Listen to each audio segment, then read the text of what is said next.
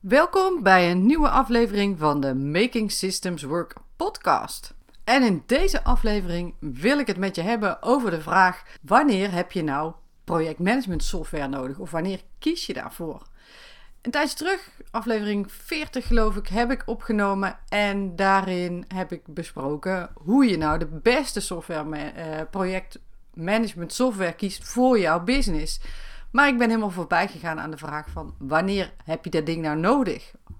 Dus de vraag heb ik projectmanagement software nodig? En die vraag die kreeg ik laatst van Astrid is eigenlijk een hele leuke vraag en heel erg waardevol voor jou. Vooral omdat ik daar in mijn eerdere podcast helemaal niet op ingegaan ben.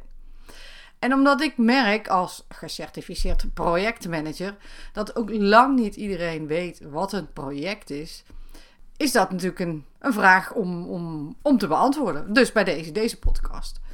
Um, weet jij nou al zeker, heel, heel zeker, dat jij uh, een projectmanagement tool wil en dat je deze aflevering verder niet gaat luisteren? Um, ook dan denk ik dat het dan best wel heel waardevol voor jou zou kunnen zijn. Maar ja, eh, je staat vrij om hier eh, op de stopknop te drukken. Dan houd ik je natuurlijk niet langer op. En dan wil ik je wel even wijzen, zoals ik net al zei, aflevering, podcast aflevering nummer 40. Daarin leg ik uit hoe jij de, tot de beste keuze komt voor een projectmanagement tool voor jouw business. Goed, laten we verder gaan. Voor de duidelijkheid en om ieder misverstand te voorkomen, projectmanagement software voegt heel erg veel toe als je bedrijf veel projecten draait. Maar de vraag is natuurlijk: werk je wel echt projectmatig in jouw business? En dat lijkt misschien een beetje flauw, maar om de beste tool te kiezen is het wel een hele belangrijke vraag. En te pas en te onpas hoor ik projecten noemen, uh, waarvan ik denk dat zijn helemaal geen projecten. Nou, waarom stel ik die vraag überhaupt? Ik hoor heel vaak de vraag: Oh, kan je me een tip geven voor projectmanagement software? En dat kan ik natuurlijk. Maar heel vaak uh, lijkt de vraag te komen van een coach die vooral klanten helpt één op één of in groepen, dat maakt niet zoveel uit. En op de een of andere manier, of op een of andere reden, vraag me niet waar het vandaan komt. Um, zodra deze coach een VA inhuurt uh, voor ondersteuning, dan gaat ze, hij of zij, op zoek naar projectmanagement software. En ik snap de behoefte zeker wel. Het idee is natuurlijk dat, er, uh, dat, uh, dat je een plek hebt op het internet waar jij als ondernemer kan samenwerken met jouw teamlid of teamleden. Maar laat ik je een geheimpje verklappen. Meestal is een projectmanagement tool misschien niet wat je nodig hebt. Sterker nog, heel vaak blijkt ook dat het niet lekker werkt. Trello werkt niet voor mij. Asana, mm, dat gaat niet zo goed. Hoe komt dat nou? Waar, waarom werkt het niet lekker? Daar is eigenlijk een best wel simpele verklaring voor. Want samenwerken met een VA en taken uitbesteden gaat vaak, niet altijd, maar heel vaak over dagelijkse of wekelijkse of in ieder geval periodieke taken. Dus die taken die steeds terugkomen. Denk dan aan het beheren van je agenda, uh, je mailbox, uh, je financiële administratie bijwerken of social media posts plannen. Dat zijn dingen die komen met regelmaat terug. En als dat is wat je wil uitbesteden, dan verklaart dat meteen dat het niet werkt met een projectmanagement tool. Want herhalende werkt niet echt in projecten. En waarom? Laten we eerst eens kijken wat een project nou eigenlijk is. Wat maakt een project een project? Een project heeft een duidelijk eindproduct, zoiets, eh, een eindresultaat, zoals het opleveren van een goed werkende, snelle website in de huisstijl van je klant. En dat betekent dat je een resultaat bereikt. Je maakt een website die snel is in de huisstijl van de klant, in dit voorbeeldje. Dus dat zijn de eisen waar die aan moet voldoen. Een tweede kenmerk van een project is dat het een begin en een eind heeft. En een begin en eind in de tijd en uh, ook in budget en resources over het algemeen. En die resources zijn dan vaak uren van mensen. Bijvoorbeeld, als we dat voorbeeld van een website meenemen, je start met een websiteontwikkeling op 1 oktober en op 31 december gaat hij de lucht in en is die klaar. En het budget is 2100 euro. Ik zeg maar wat hè. Of 84 uur. Ik noem maar even een zijstraat, want ik heb eigenlijk geen idee hoe, hoe lang je daarmee bezig bent. Een derde kenmerk van een project is dat het uniek is. In die zin uniek dat je, ehm, dat, je dat niet herhaaldelijk doet. Bijvoorbeeld je financiële administratie, dat is uh, gegevens inboeken, facturen inboeken, facturen versturen, nou ja, dat soort dingen. Dat is de hele tijd hetzelfde. Dat doe je op dezelfde manier. En nou kun je zeggen, ja, maar die factuur is ook steeds anders. In de basis niet, alleen de inhoud van de factuur is anders. En voor een websitebouwer is natuurlijk een website-project in feite ook herhaald. Alleen het is wel een andere klant, uh, totaal andere eisen, totaal andere content. Dus er zitten componenten in die hetzelfde zijn, maar je maakt wel iedere keer iets unieks. Wat die uniciteit ook met zich meebrengt, is dat je enige onzekerheid introduceert. Want je weet, stel dat, we houden het even bij die website. Stel dat je een website altijd maakt in uh, WordPress met Elementor en je gaat het nu in Divi doen. En dat heb je wel gedaan, maar dat betekent dat het zomaar kan zijn dat je iets langer moet zoeken. Dus dat je iets minder voorspelbaar bent in hoe lang je daarmee bezig bent. Denk ook aan het organiseren van een event.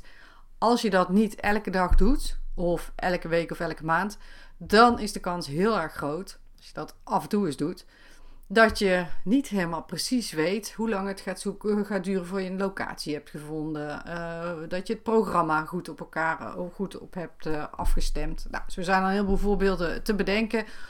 Wat uniek als gevolg heeft, is dus dat er een grotere mate van onzekerheid zit dan in het steeds repeterend werk doen, waarvan je eigenlijk op een gegeven moment precies weet hoe lang je ermee bezig bent. Risico, zo noemen we het ook wel een beetje. Um, een vierde kenmerk van een project. En een project heeft een heel duidelijk doel. Je gaat niet zomaar voor de lol projecten doen over het algemeen. Sommige mensen misschien wel. Maar in het geval van die website, om daarbij te blijven, die klant die heeft een duidelijk doel natuurlijk. Hè. Die wil beter zichtbaar zijn of wil überhaupt zichtbaar worden op Google bijvoorbeeld. Maar de websitebouwer die wil meer klanten helpen. Dus deze klant helpen is de klant tevreden maken en zorgen dat met die tevreden klant die resultaten doorcijpelen naar nieuwe klanten. Dat zij gaan vertellen over hun, uh, ja, hun, mooie website. Of dat de website aan zich al vertelt van wauw, die, uh, waar heb je die laten maken?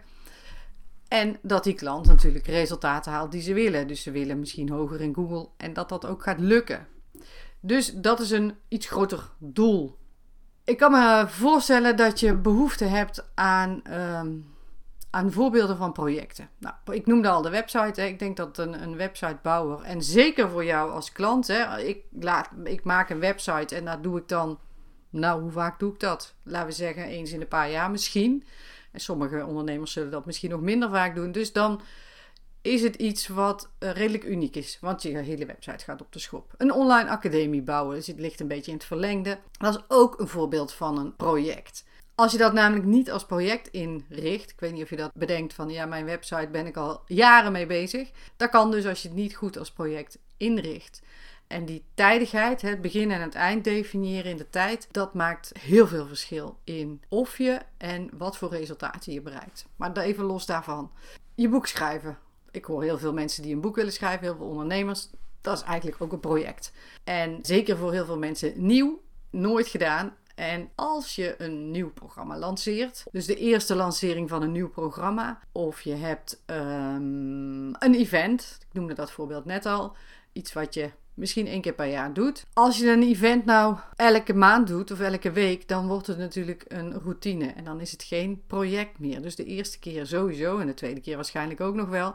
Maar als het helemaal staat en je kunt het gewoon ja, volgens het draaiboek afronden, dan is het niet echt meer een project. Dat geldt trouwens ook voor lanceringen. De eerste keer dat je een nieuw programma lanceert, heb je allerlei nieuwe, ja, moet ik zeggen, nieuwe dingen. Uh, loop je tegen van alles aan, moet je dingen uitzoeken. Uh, de tweede keer uh, is het ook nog heel erg bijsturen. Maar op een gegeven moment is dat ook routine. Als je dat maar vaak genoeg doet. En dat de frequentie dagelijks is of niet wekelijks dat maakt niet zoveel uit. Het gaat erom dat je het in een bepaalde routinevorm hebt gegoten, waardoor het geen project meer is. Want ik dwaal hem een klein beetje af, want het ging natuurlijk over waarom zou je nou een projectmanagement tool kiezen. Wat heel veel mensen vergeten, wat ik ook als project zou doen. de nieuwe website is één, dus ook in feite een soort software. Maar nieuwe software uitkiezen. Dus een nieuw projectmanagement tool uitkiezen. Of bepalen of je een projectmanagement tool nodig hebt. Dat is in feite ook een project. Als je het op die manier aanvliegt, dan wordt het ook een stuk uh, eenvoudiger in feite om de juiste keuze te maken. Want een project vraagt ook dat je bepaalde stappen hebt, dat je bepaalde afbakening kiest. Alleen maar meerwaarde zou ik zeggen. Um, dus van software selecteren tot en met implementeren is in feite ook een project. Als je het dan gaat beheren, dus je hebt het in gebruik genomen en het draait, dan is dat weer geen project. Dus ik hoop dat je nu een beetje gevoel hebt van, nou, wat moet ik nou als een project beschouwen en wat is, nou ja, noem het maar, de dagdagelijkse, min of meer routinematige werk, uh, werkzaamheden zijn. Nou ja, ik weet niet meer wat ik zei. Nu je weet wat de belangrijkste kenmerken van een project zijn, en ik heb je natuurlijk een paar voorbeelden gegeven, weet je wat de projecten zijn. En als je die goed op je laat inwerken, die kenmerken, dan weet je, denk ik, heel goed inmiddels waar het verschil zit met het runnen van je business. Dus zorgen dat de boel draaiende blijft. Want daar draait het namelijk om consistentie, voorspelbaarheid en uh, vaak ook herhaling en dingen op dezelfde manier doen. Want je wil niet dat het wegwerken van je e-mails dat dat eindeloos veel tijd kost. Of mm, iets anders, een favoriet van mij, uh, bijwerken van je financiële administratie. Dat moet zo snel mogelijk, wat mij betreft. Social media posts inplannen, idem dito. Ik vind dat moet ook gewoon zo snel mogelijk. Ik, het is niet mijn hobby, zeg maar. Dat blijkt wel. Ik hoef ook geen aanmail aanbiedingen van dat je dat voor mij kan doen. Dankjewel, dat is niet nodig. Maar het moet wel gedaan worden. En hoe organiseer je dat dan? Want dat is natuurlijk, dat je zegt, ja, leuk en aardig. Als ik nou geen projectmanagement tool heb, wat dan? Over bekende projectmanagement tools, die jij waarschijnlijk ook wel kent, zoals uh, Trello en Asana, die hebben sinds kort de optie toegevoegd, en kort, dat kan een half jaar zijn, om taken herhalend te maken. En in Trello moet dat met een, uh, een power-up, iets van de card repeater geloof ik. En in Asana heb je de optie om een, uh, bij de timer ook een recurring aan te zetten. En dan kun je aangeven wanneer het, de taak herhaald moet worden. En als je me dan afvinkt, dan krijg je automatisch een nieuwe taak. Dus die wordt gedupliceerd op het volgende gewenste tijdstip en dag en tijdstip. Volgens mij is dat geboren uit nood, omdat heel veel mensen projectmanagement tools als die gebruiken voor iets waar ze niet voor bedoeld zijn.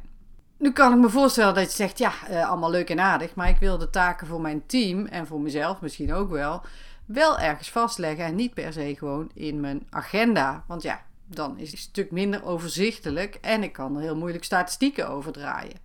En ik wil ook niet te veel tools naast elkaar. En weet je, dat snap ik helemaal. En dat is natuurlijk ook helemaal logisch. Want je wil niet uh, eh, 25 uh, eh, van die appjes op je dashboard hebben om maar te goochelen. Dan ben je op een gegeven moment aan het goochelen van welke heb ik nou wanneer nodig. En dat is ook niet wat de bedoeling is. En toch is het slim om projectmanagement tools te gebruiken voor projecten en taakmanagement tools om lopende taken te managen of ja, repeterende taken zeg maar te managen. En als je heel af en toe een project draait, kies dan een takenmanagementpakket waarin je uh, je taken ook kan groeperen en organiseren. Dat je net iets meer kan dan alleen maar een to-do-lijst maken, want dat is net weer een verschil. De volgende aflevering die gaat over taakmanagement tools. En wanneer kies je nou een taakmanagement tool en wat zijn de kenmerken daarvan? En een paar voorbeelden daarvan. Um, dus kies een takenmanagement tool waarin je taken dus kan groeperen, organiseren in lijstjes of in, in, in van die kanbanbordjes. Want dat is wel uh, heel erg uh, hip en happening en overal mogelijk tegenwoordig.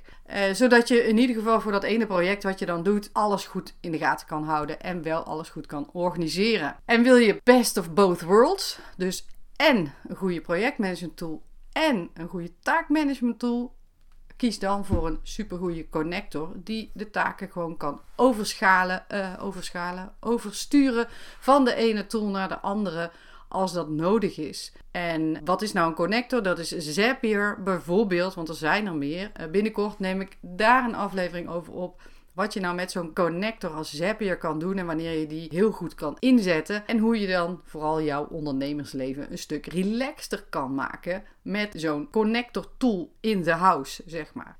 Goed, Projectmanagement tools zijn dus voor projecten. En als het goed is, heb ik je in deze aflevering kunnen helpen met van wanneer is het nou iets wat ik doe, een project, en wanneer is het nou eigenlijk gewoon mijn lopende business activiteiten managen en runnen en inplannen. Als je nou denkt, dit was interessant, ga dan eens in je favoriete podcast app naar uh, de reviews en laat uh, een aantal sterren achter. Vijf is natuurlijk super leuk. En in de volgende aflevering, zoals ik al zei, gaat het over taakmanagers. Dus wil je die niet missen, abonneer je dan op mijn podcast. Voor nu wens ik je een hele fijne dag en natuurlijk hartstikke bedankt voor het luisteren. En graag tot een volgende aflevering.